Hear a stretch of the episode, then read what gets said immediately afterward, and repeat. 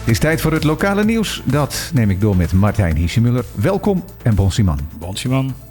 Het wettelijk minimumloon en de sociale uitkeringen op Bonaire zullen in jaarlijkse stappen flink omhoog gaan. Ja, in totaal op Bonaire 28%. En dat betekent concreet, we hebben nu een minimumloon van 1045.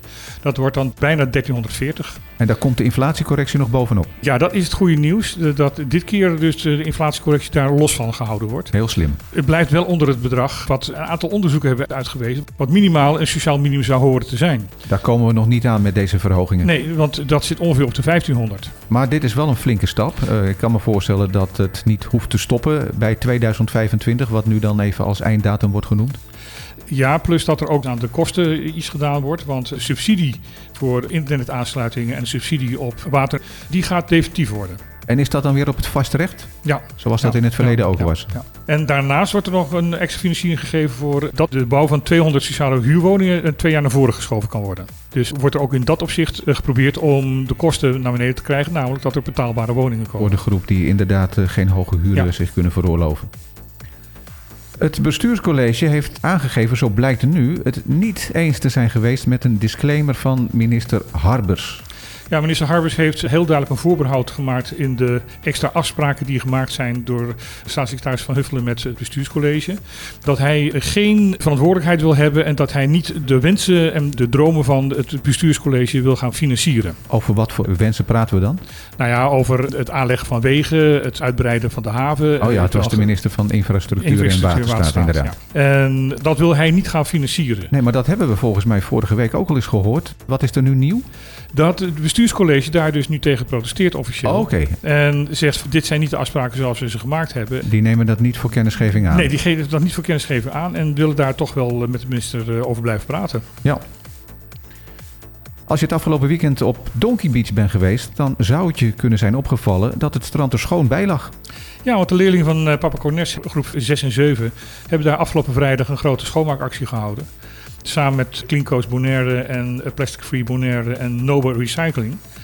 Dat zijn de initiatiefnemers van deze acties. Ja. Ze hebben heel veel plastic items aangetroffen, zoals bestek en rietjes en zelfs eh, plastic meubilair wat Ja, achtergelaten Wat, wat, is. wat werd er nou het meest aangetroffen? Het meest werd aangetroffen de sigarettenpeuk, Nog steeds. nog steeds. En op nummer 2 stond de dop van de bierfles. De kroonkurk. Ja, de kroonkurkjes, inderdaad. Dus bier en sigaretten. Ja, daarmee wordt de suggestie gewerkt dat de stranden voornamelijk worden bezocht door bierdrinkende rokers. Dat zijn over het algemeen de, de jongvolwassenen, denk ja, ik. dat ben ik ook bang voor. Ja, goed initiatief natuurlijk, maar het kan niet de bedoeling zijn dat elke keer de leerlingen van een school de boel moeten schoonmaken daar op het strand. Nee, de mensen die van het strand gebruik maken zouden gewoon het strand eh, moeten schoonhouden. Inderdaad. En mijn vader had altijd vroeger een hele goede manier, als ik weer eens mijn kamer niet had opgeruimd, die zei van de beste manier van opruimen is geen rommel maken. Dat is een gouden tip. Er komt op het vliegveld een speciale lift voor mensen die moeite hebben het vliegtuig in en uit te stappen. Die moeten nu nog soms eh, nou echt omhoog gehezen worden. Nou ja, bijna mensonterende manier dat ze dus met een stoeltje, want als mensen in een rolstoel zitten is de rolstoel te vaak te zwaar om het vliegtuig in te Ja, dragen. dus dan worden ze overgezet in een ander stoeltje. Ja, in een gammel stoeltje eh, en worden ze die wiebelende trap En dan met, eh, met, vier, opgezet. met vier man Ja, omhoog. ja, Eh, dat is bijna mensonterend. ja, ja. En ik denk dat je als jij minder goed ter been bent, dat je dat ook geen prettige behandeling Oh. vindt. Absoluut. Dus dit is een plan wat eigenlijk al in 2018 was ontstaan. Want wat komt er nu om dat op te lossen? Er komt een groot voertuig waarbij, net zoals bij de catering ehm, lift. containers, een lift gewoon komt. Ah, oké. Waarbij je dus aan de ene kant gewoon met de rolstoel in kan rijden. En daarna gewoon op het gelijke hoogte met het vliegtuig eh, weer uit kan rijden. Maar dan moet die trap die daar staat dus wel aan de kant.